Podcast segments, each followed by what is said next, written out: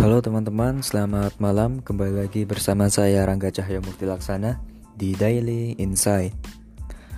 Uh, malam hari ini uh, saya akan kembali sharing session berbagi insight wawasan dari buku Berpikir ala Einstein dan Bertindak ala Gandhi karya Ferdinand Setiabudi. Uh, jadi for your information guys, saya uh, bikin podcast ini sama seperti podcast yang kemarin di depan rumah. Dan kejadiannya juga sama seperti kemarin juga. Uh, saudara saya nginep di rumah saya. Jadi mau nggak mau saya harus ronda lagi buat nungguin mereka. Dan juga mohon maaf kalau malam kita ini rada sedikit berisik ya. Karena di depan juga rame. Itu kan? Dan juga di samping rumah saya itu ada tetangga yang sedang hajatan bukan hajatan sih lagi kayak ada pernikahan kayak gitu. Dan nyetel soundnya itu sampai malam. Ya kalau menurut saya ini udah melanggar norma etika sih kayak gitu tapi nggak apa-apa lah. Kita lanjut saja ya. Uh, for your information juga uh, daily insight ini podcast yang saya buat sebenarnya itu uh, kita lebih bukan lebih sih kita ini podcast yang bergerak di bidang wes bergerak di bidang ini udah kayak mau pitching startup aja. Daily Insight sendiri itu podcast untuk berbagi tentang wawasan pengetahuan atau mungkin pengalaman ya. Bukan pengalaman dari saya aja tapi pengalaman dari teman-teman semua yang mungkin ingin berbagi. Jadi kalau teman-teman pengen misalkan ada sesuatu yang ingin diceritakan kayak gitu sharing pengalaman teman-teman bisa hubungi saya nanti kita collab bareng kayak gitu entah itu pengalaman apa aja random juga nggak apa-apa. Yang penting uh, dari cerita teman-teman semua itu bisa menambah wawasan kita semua buat mendengar semua. Namun kali ini karena uh, belum ada yang mau collab dengan saya ya jadi saya berbagi wawasan sepengetahuan saya saja. Dan biasanya pengetahuan saya itu didapat kalau nggak dari pengalaman pribadi kalau nggak dari saya uh, mengalami suatu kejadian masalah nonton YouTube saya biasanya dapat pengalaman itu dari buku. Dapat wawasan maksud saya wawasan dari buku. Atau mungkin nasihat saya nasihat atau hasil diskusi. Dan kali ini uh, tadi siang saya membaca buku yang menarik. Judulnya itu berpikir ala Einstein dan juga bertindak ala Gandhi. Nah, untuk episode kali ini saya akan membahas mengenai berpikir ala Einstein terlebih dahulu. Kenapa? Karena saya baru baca sampai situ dan yang kedua biar episode di podcast saya itu banyak. Jadi itu cuma strategi saya sih. Tapi nggak apa-apa.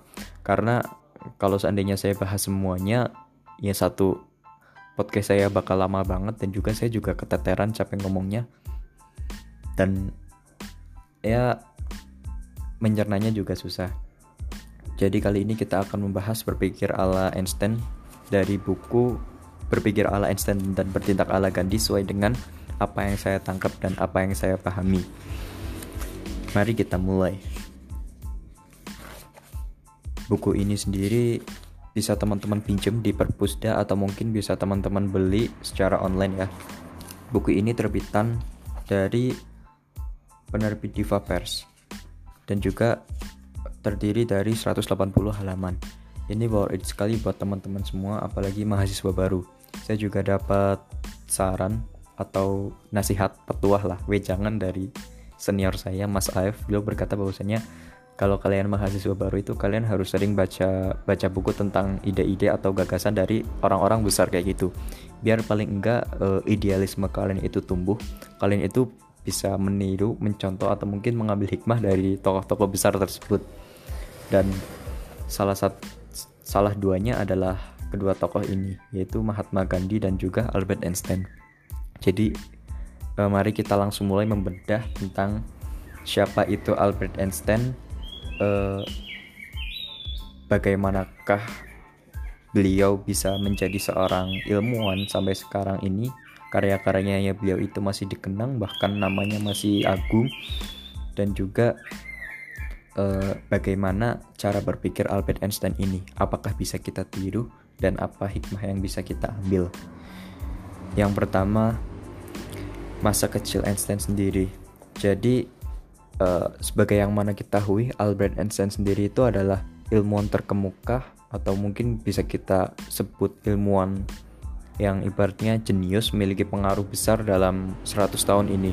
Bahkan majalah Time sendiri e, menobatkan bahwa Einstein ini adalah e, salah satu apa ya one tip e, bahasa aku lupa bahasa Inggrisnya tapi bahasa Indonesia-nya itu orang yang orang jenius yang lahir itu selama 100 tahun sekali. Jadi selama 100 tahun sekali itu ada orang yang dia paling jenius, paling berpengaruh dan membawa perubahan dunia. Kalau dulu kan ada Newton, habis Newton itu Einstein, habis Einstein ada Hawking. Dan sekarang uh, ada lagi tapi saya lupa namanya. Saya dikasih tahu dari teman bahwasannya dia itu dari Inggris, tapi belum saya cari tahu. Mungkin teman-teman bisa searching kayak gitu. Ilmuwan-ilmuwan yang hanya muncul itu selama 100 tahun sekali.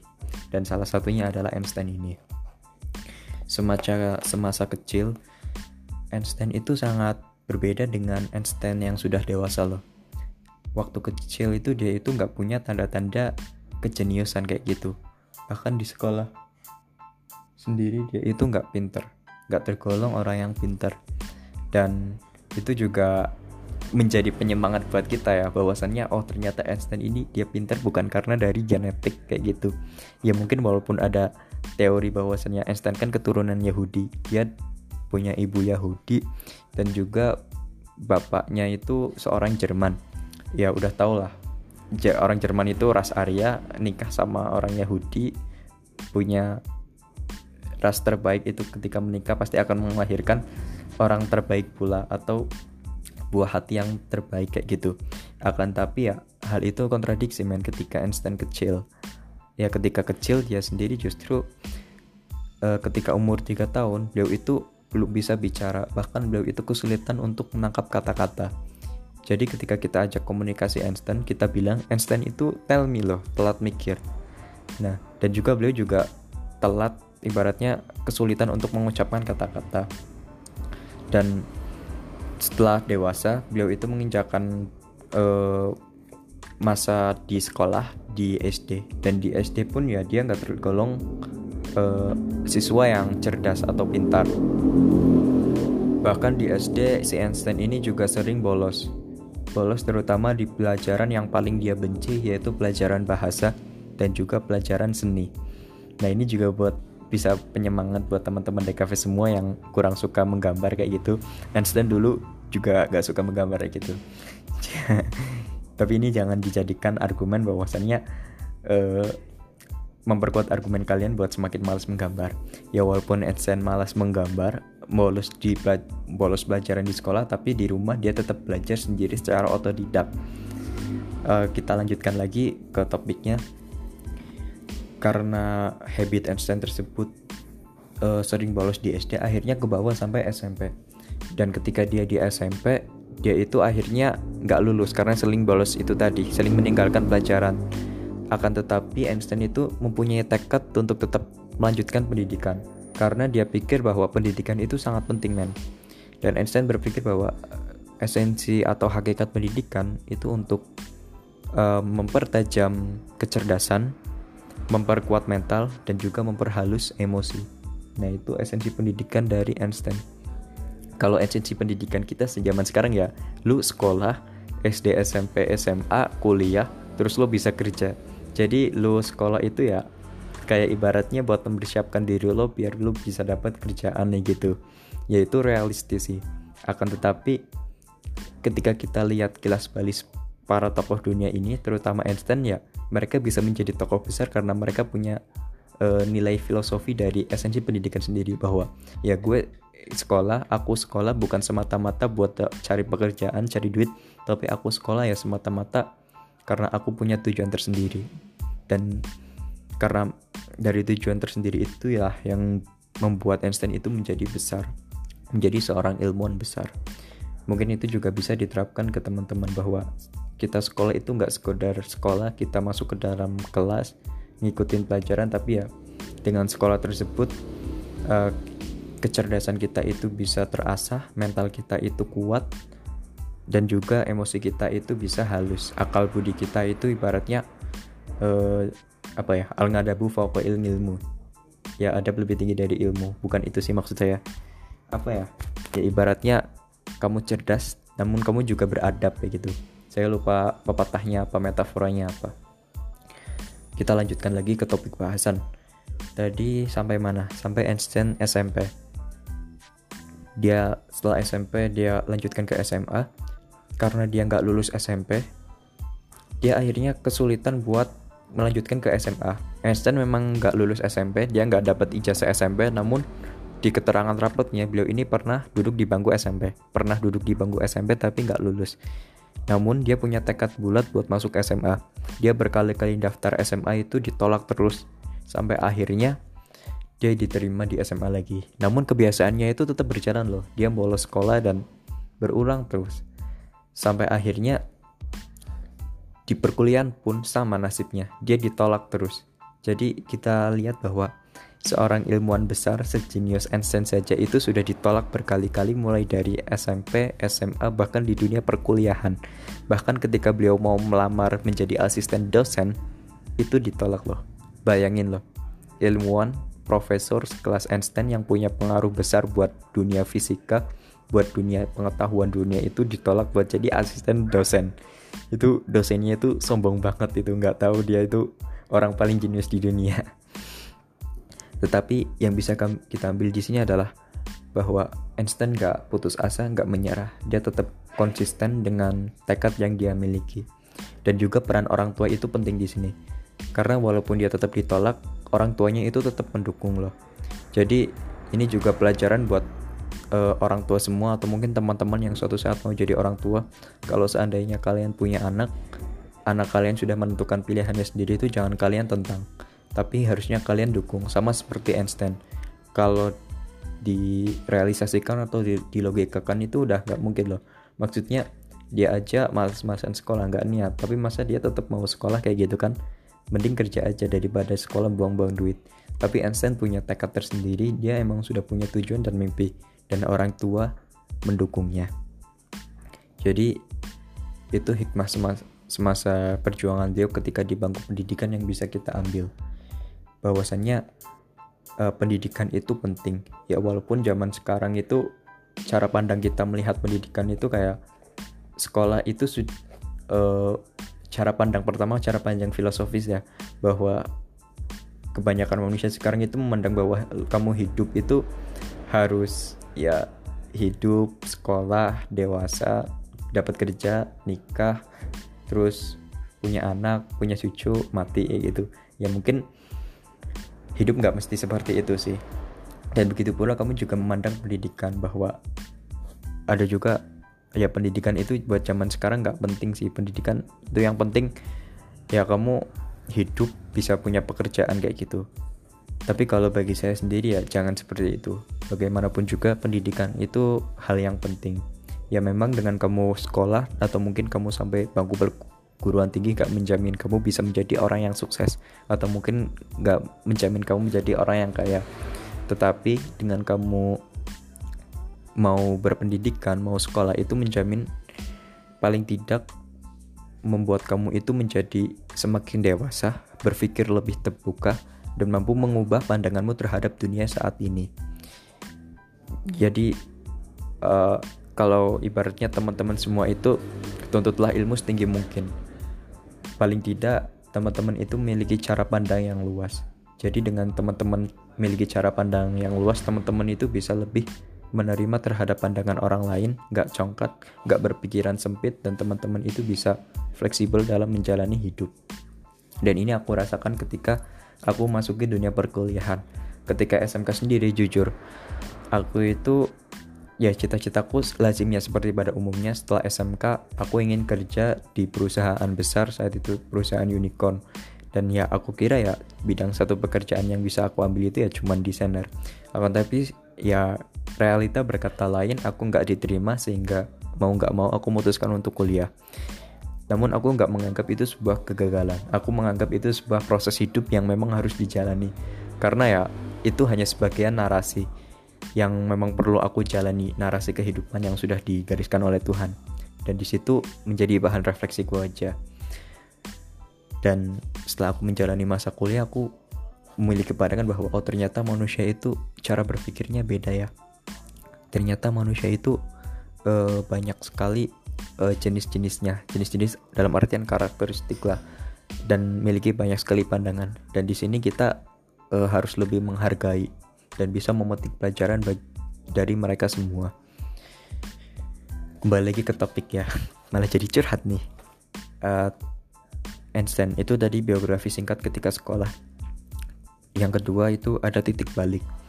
Jadi Einstein sendiri itu uh, sebenarnya ketika kita berbicara titik balik uh, ada buku ini diterangkan sama senior saya juga.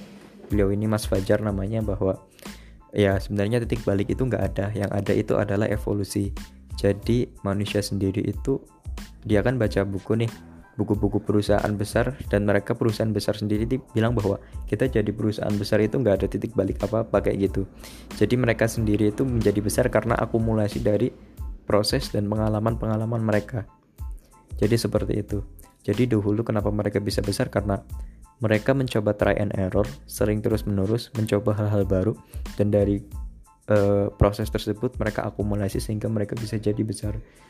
Sedangkan titik balik kayak gitu hanya framing media saja supaya cerita mereka itu terkesan menarik.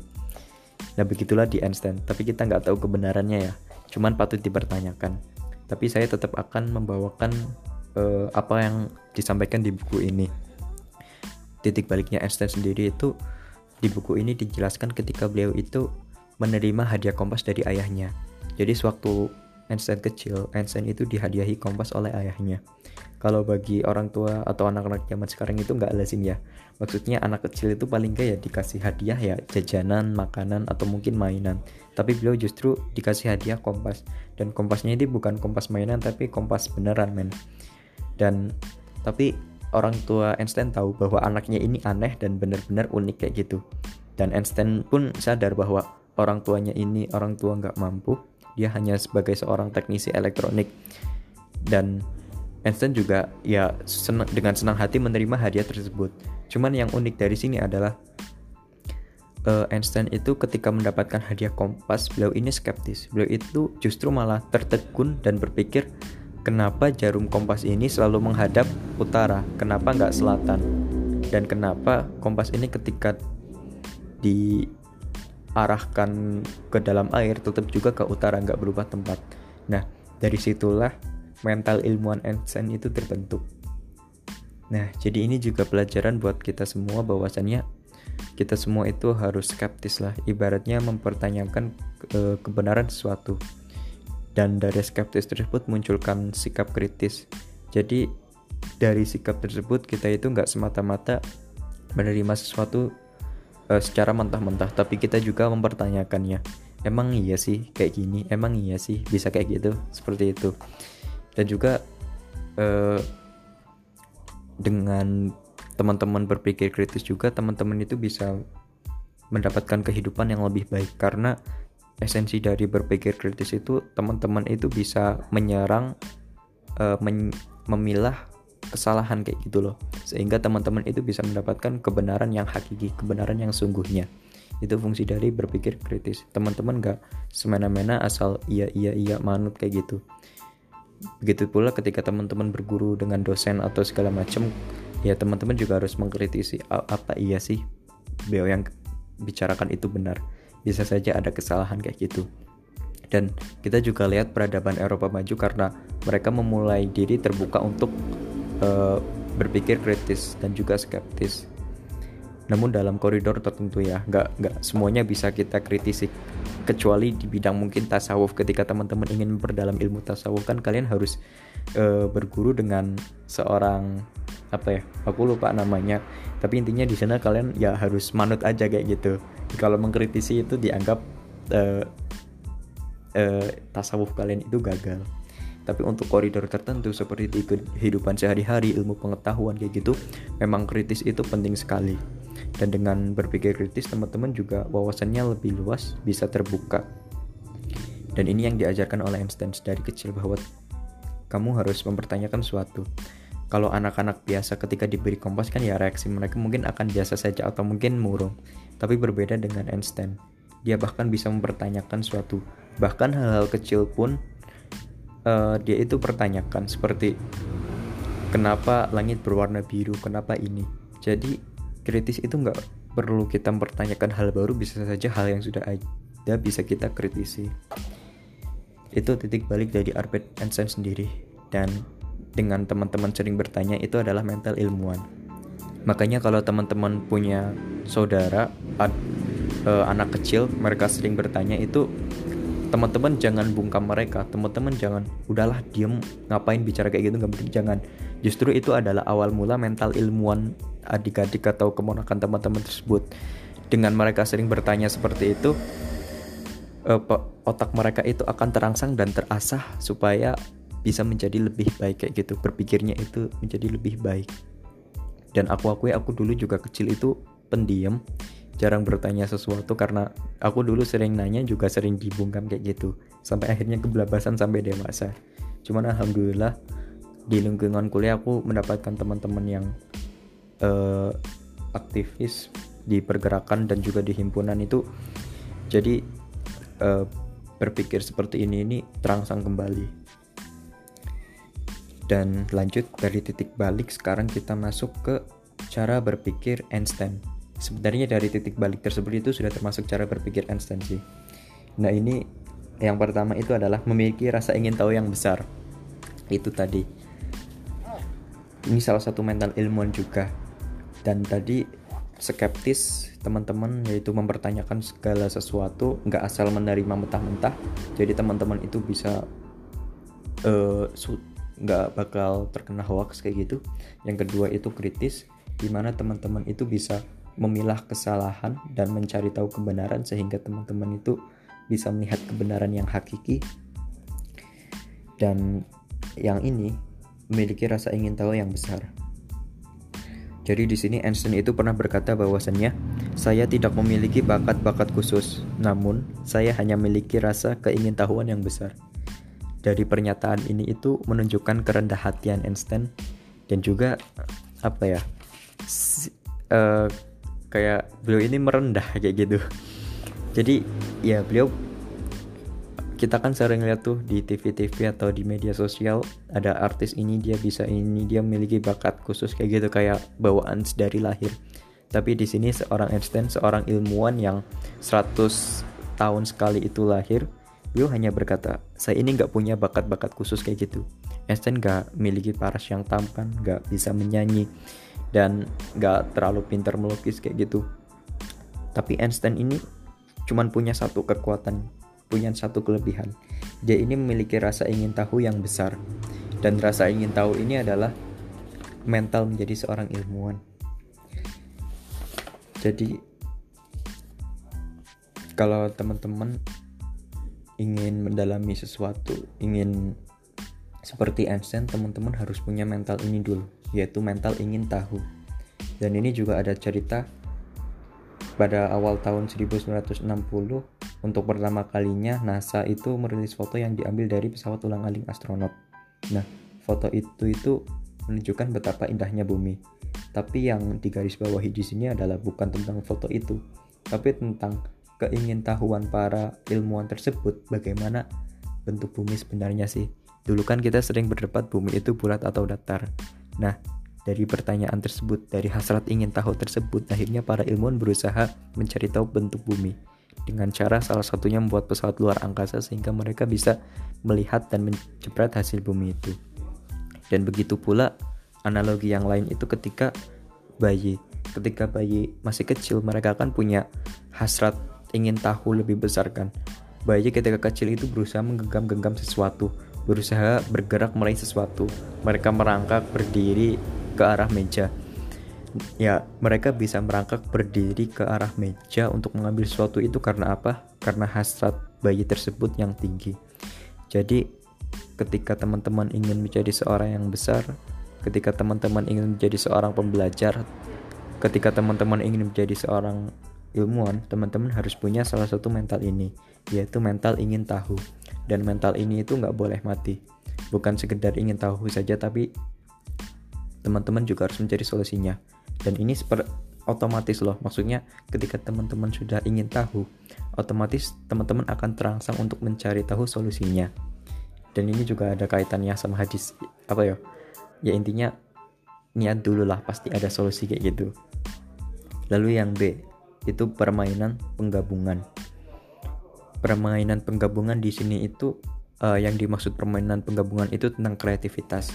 Jadi dahulu itu ada ahli matematika Prancis namanya Jacques Harmat. Dia itu mendatangi Einstein dan dia itu berbicara uh, bertanya kepada Einstein bahwa pemikiran kreatif itu apa. Einstein itu terdiam sejenak. Ya maklum lah Einstein itu kan walaupun ilmuwan terjenius beliau juga manusia biasa dan beliau lalu menjawab bahwa uh, pemikiran kreatif itu adalah combinatory play. Combinatory play maksudnya bermain kombinasi. Jadi kreativitas itu adalah gabungan dari berbagai macam kejadian berbagai macam hal berbagai macam referensi diakumulasi menjadi sesuatu atau hal yang baru. Itu adalah kreativitas. Dan saya setuju dengan ini bahwa uh, kreatif sendiri adalah penggabungan hal baru penggabungan berbagai macam hal menjadi hal baru.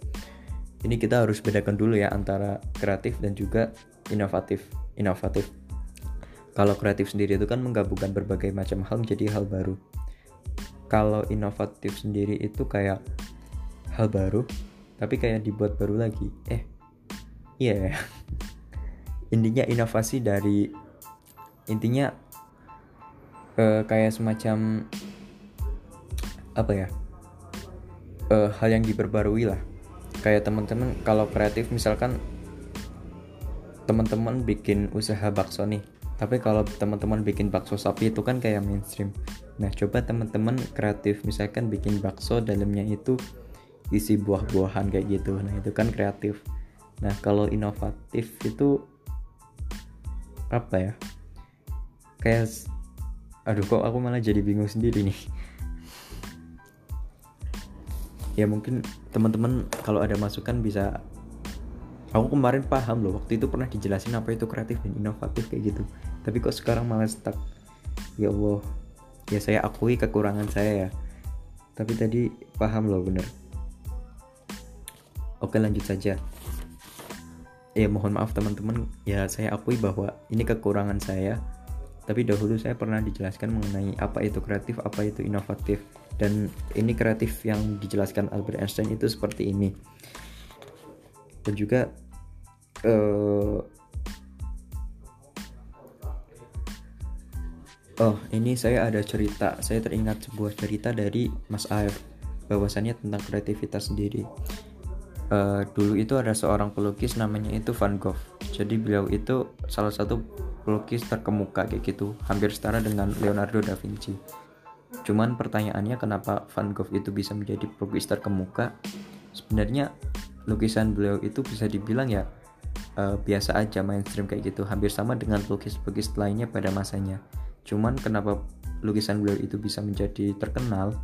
Karena satu, beliau itu memiliki referensi atau akses ke galeri-galeri seni yang di mana itu adalah lukisan-lukisan yang dibuat oleh seniman ternama. Dan yang kedua, beliau punya akses ke galeri terkemuka sehingga uh, lukisan beliau itu bisa dipajang di sana. Jadi ininya pentingnya referensi. Saya dulu ketika SMK itu juga pernah mengalami stuck jadi dulu saya kan so, desainer sekarang juga desainer sih dulu teman-teman saya itu bisa bikin desain UI UX yang bagus banget kayak gitu. Sedangkan saya itu jelek banget. Dan saya itu mikir loh merenung bahwa ini sebenarnya takdirkah atau gimana kayak gitu. Wah saya udah berusaha memaksimalkan jam terbang saya diperbanyak tapi desainnya jelek. Tapi teman saya ya dia cuma desain kayak gitu aja bisa bagus banget kayak gitu.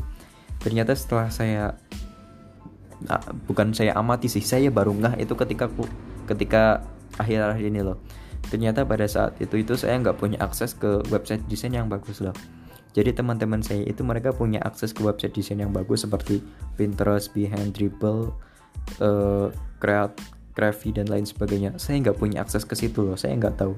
Yang saya tahu ya, desain desain paling niru yang ada di Google. Jadi referensi itu penting dan referensi itu kayak semacam bahan-bahan untuk menumbuhkan kreativitas lanjut jadi itu tadi tentang kreativitas jadi cara berpikir Einstein jadi selain Einstein orang yang ingin tahu beliau juga orang yang kreatif dan rumus Einstein yang E sama dengan mc kuadrat itu juga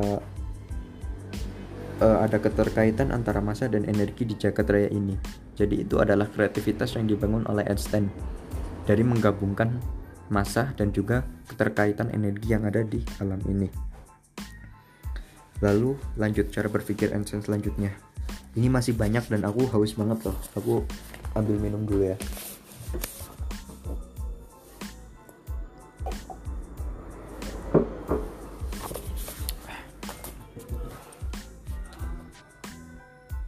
Yang C lanjut yaitu memecahkan masalah karena hal itu itu merupakan tujuan belajar dan bekerja.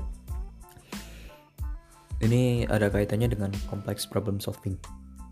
Jadi for your information kalau complex problem solving sendiri itu bukan sekedar menyelesaikan masalah yang kompleks, tapi bagaimana seorang itu bisa menyelesaikan suatu masalah uh, yang salah yang apa ya seseorang itu bisa menemukan masalah sampai ke akar-akarnya dan bisa menyelesaikan masalah tersebut itu uh, saling keterkaitan kayak gitu. Analoginya kayak gini sih misalkan teman-teman itu punya bekerja di suatu perusahaan kalau di perusahaan sendiri kan ada yang namanya CTO, CFO, CMO, CEO kayak gitu kan kalau CTO ya bertugas mengurusi hal teknis, CFO founding, CMO marketing, dan CEO itu yang mengurusi segalanya. Nah, ketika teman-teman menjadi seorang CEO, teman-teman itu harus punya yang namanya complex problem solving, di mana teman-teman itu harus melihat masalah itu uh, sampai ke akar-akarnya, saling keterkaitan satu sama lain kayak gitu. Mungkin gampangannya kayak gini sih. Uh, dalam startup sendiri kan terdiri dari tiga orang hipster, hustler, dan hacker. Ketika seorang hipster, seorang desainer, dia akan melihat masalah dari sudut pandang desain dan menyelesaikannya pun demikian. Ketika hacker, seorang programmer, dia juga akan menyelesaikan masalah dari sudut pandang teknisnya pemrograman. Tapi berbeda ketika teman-teman jadi eh, maaf yang Hustler juga sama dia akan memecahkan masalah dari sudut pandang bisnis.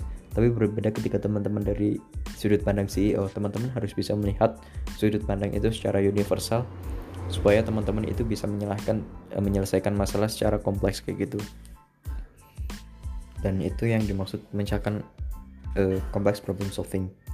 Lalu lanjut lagi ke topik pembicaraan yaitu tentang uh, memecahkan masalah jadi ada cerita nih saat Einstein itu berkunjung di acara Prussian Academy yaitu di mana acara tersebut itu dihadiri oleh ilmuwan-ilmuwan kenamaan di dunia dan ilmuwan-ilmuwan itu memakai lencana e, karya penghargaan dari eh, orang-orang atau mungkin instansi lembaga-lembaga pada masanya. Nah saat Einstein datang itu Einstein nggak pakai e, lencana pemberian dari Ratu Inggris.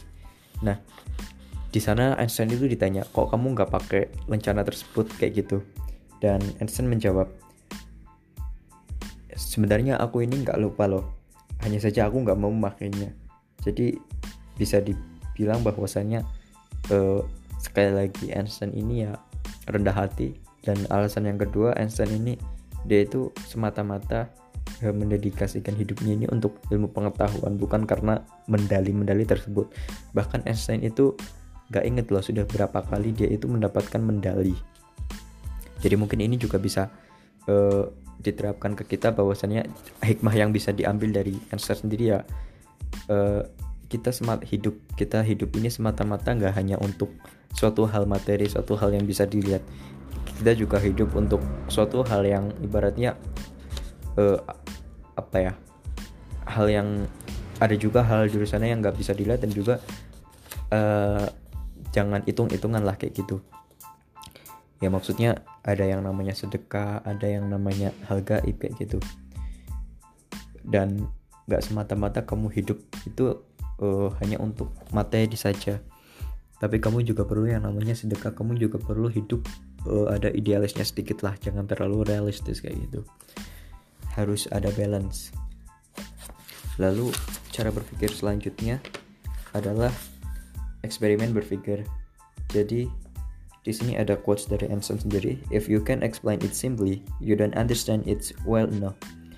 Jadi kata Einstein sendiri jika kamu nggak bisa menjelaskan sesuatu secara simpel kamu nggak mengerti apa yang sedang kamu bicarakan jadi ini ada keterkaitannya dengan teori uh, Feynman atau Feynman teknik sendiri bahwasannya kalau kamu nggak bisa menjelaskan sesuatu teori atau suatu konsep yang abstrak kepada anak kecil berusia 6 tahun itu artinya kamu nggak paham teori. Ini mungkin juga pukulan bagi saya sendiri.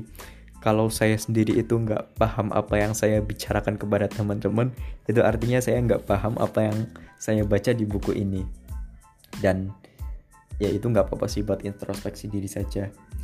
Dan Einstein juga ini juga ada pernah uh, saya jadi lupa nih sebentar saya buka halamannya dulu. Oh ini ini ceritanya.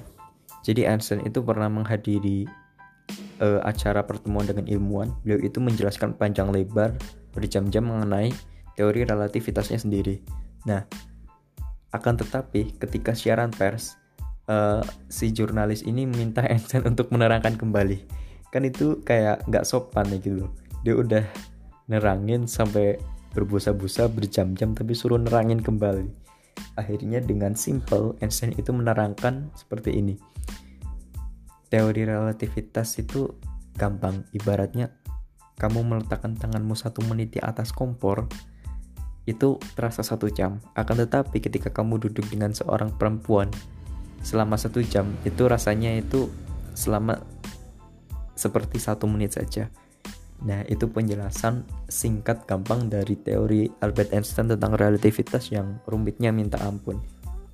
Dan penjelasannya tersebut itu mudah dipahami oleh orang awam tentunya. Dan dari teknik Einstein sendiri juga saya amalkan sih. Ini saya amalkan dari kelas 3 SMK. Jadi saat itu saya nggak mengenal teori Einstein, tapi saya mengenal yang namanya Feynman teknik. Jadi teman-teman itu, jadi uh, saya itu membaca sebuah konsep, sebuah buku, lalu saya berusaha ceritakan konsep tersebut itu intinya sampai eh, orang-orang itu paham apa yang saya ceritakan. Misalkan saya baca nih PPT dari guru. Setelah saya baca PPT tersebut, lalu saya coba bercerita tentang apa yang saya baca kayak gitu. Kadang saya juga ber, mem, uh, menceritakannya kepada teman-teman dan kiranya teman-teman paham apa enggak apa yang saya utarakan. Kalau seandainya teman-teman saya nggak paham berarti saya juga nggak paham terhadap apa yang saya bicarakan. Itu tentang uh, eksperimen berpikir, cara berpikir Albert Einstein sendiri. Dan ini juga erat kaitannya dengan make it easy. Jadi apa ya? Orang jenius itu kayak membuat sesuatu yang rumit itu menjadi hal yang mudah kayak Gus Dur misalkan. Gus Dur kan dia jenius juga. Ya kan slogannya gitu aja kok repot kayak gitu. Kayak permasalahan yang luwet sama dia sama beliau itu dibuat menjadi suatu hal yang benar-benar simple. Begitu pula Einstein. Itu tadi. Jadi ini juga pelajaran buat kita bahwa naik barang angel kayak digawe gampang naik barang gampang kayak aja digawe angel itu bahasa kasarnya kayak gitulah lalu selanjutnya ini masih banyak sih. Cuman ini saya merasa hanya mampu menyampaikan beberapa saja. Ada beberapa yang tak lompati. Teman-teman kalau misalkan tertarik buat uh, baca buku ini bisa pinjam di perpusda atau mungkin bisa beli di Allshop ya. Ini saya langsung melangkahi saja ke ke pernyataan terakhir. Karena satu saya sudah capek dan saya besok harus bangun pagi karena ada pengajian di IAIN pengajian seminar sih lebih tepatnya yang diisi oleh Dr. Fahrudin Faiz. Jadi beliau itu seorang dosen filsafat, beliau juga seorang ustadz kiai yang fokus di bidang filsafat teologi kayak gitu. Dan saya salah satu pengagum beliau karena beliau juga menurut saya termasuk kriteria yang terakhir ini di topik kita di Einstein tentang uh, orang jenius bahwasanya beliau itu apa ya beliau ngulang filsafat tapi e, cara beliau mengutarakan filsafat itu sangat enak didengar loh sangat enteng sekali. Jadi eh, buku-buku filsafat atau materi filsafat yang seperti mana kita ketahui itu berat susah untuk dicerna ketika dijelaskan sama beliau itu gampang loh dan enak rasanya gitu. Jadi kita itu mudah paham kita itu nggak terlalu mulu-mulu berpikir keras kayak gitu. Jadi dan beliau juga itu yang buat saya itu akhirnya tertarik untuk belajar yang namanya filsafat itu tadi. Oke kita lanjut saja ya ke yang terakhir yaitu bersikap penuh rendah hati. Jadi seperti yang sudah saya jelaskan sebelumnya uh, bahwa Einstein itu uh, walaupun Einstein itu ilmuwan yang terkenal dikenal dengan kejeniusannya bahkan namanya sampai sekarang beliau masih harum. Tapi beliau juga tetap rendah hati. Bahkan walaupun beliau dianugerahi berbagai macam gelar piagam ya beliau sendiri nggak peduli. Bahkan beliau nggak tahu beliau sudah berapa kali dikasih tahu penghargaan tersebut. Dan beliau tetap bersikap menunduk. Jadi ibaratnya pepatah semakin tinggi ilmu semakin kamu merunduk. Dan ini uh, apa ya adalah hal yang belum bisa saya terapkan kayak gitu. Karena saya juga introspeksi saya berkali-kali ketika membaca hal baru itu kayak sombong kayak gitu. Benar-benar saya akui itu. Tapi saya maklum dengan saya menyadari itu oh artinya ilmu saya ini masih sedikit. Dan ketika orang-orang ilmu sudah tinggi besar mereka itu justru akan semakin merendah. Dan di sini Einstein juga berkata bahwa apa yang saya saksikan di alam adalah sebuah tatanan agung yang tak dapat dipahami dengan sangat tidak menyeluruh. Hal ini sudah semestinya menjadikan seorang yang senantiasa berpikir dilengkapi perasaan rendah hati. Jadi kejeniusan Einstein ini uh, dengan segala macam kecerdasan, kemampuan, keingintahuan yang dimiliki seorang Albert Einstein sendiri, dia tetap merasa bahwa ya aku ini ya hanya bagian kecil dari alam semesta ini. Aku ini ya gak ada apa-apanya lah. Dan beliau ini gak sombong. Namun karena sikap itulah yang mungkin membuat salah satunya membuat beliau ini tetap uh, dikenang sebagai orang jenius menjadi orang yang besar. Dan rendah hati juga merupakan modal bagi seorang untuk menggapai keberhasilan. Jadi sikap rendah hati itu sama sekali bukan kelemahan diri sebaliknya di balik sikap rendah hati itu terkandung kekuatan yang dapat memberikan dampak positif bagi seorang yang melakukannya. Dan di sini juga e, diterangkan bahwasannya orang yang rendah hati itu pasti dekat dengan tanah yang subur. Oleh karena itu, orang tersebut itu mendalami hidup yang punya hubungan erat dengan segala kehidupan. Jadi maksud dari uraian tersebut itu bahwa orang yang selalu berpikir tanpa dilindang, tanpa dilandasi sikap rendah hati, maka pemikirannya itu akan membuat dia sombong, angkuh dan cenderung meremehkan orang lain. Pada akhirnya dia akan dijauhi oleh banyak pihak dan problem ini jelas akan menjadi rintangan tersendiri bagi orang tersebut untuk menggapai keberhasilan yang dikehendaki. Dan jujur aku pernah mengalami hal ini dan aku juga sudah beberapa kali mengalami menemui orang-orang yang seperti ini. Jadi ada mereka yang tahu pengetahuan sedikit tapi sombongnya minta ampun ada dan aku juga pernah mengalaminya kayak gitu. Dan aku juga pernah berdiskusi dengan orangnya tersebut kayak gitu. Jadi dia itu merasa bahwa dia itu uh, idealis, dia itu ingin membuat sebuah organisasi dan ingin membawa perubahan dengan organisasinya tersebut. Cuman beliau ini angkuh, congkak, dan gak mau mendengarkan orang lain. Dan beliau ini merasa pengetahuannya inilah yang paling benar kayak gitu. Sampai-sampai saran dan kritikan dari anggotanya itu gak didengar dan merasa bahwa pendapatnya yang paling benar. Ya akhirnya apa? Dari kesombongannya tersebut organisasi yang dipimpinnya itu hancur dan ya orang gak mau dipimpin sama dia. Karena apa ya sikapnya itu tadi.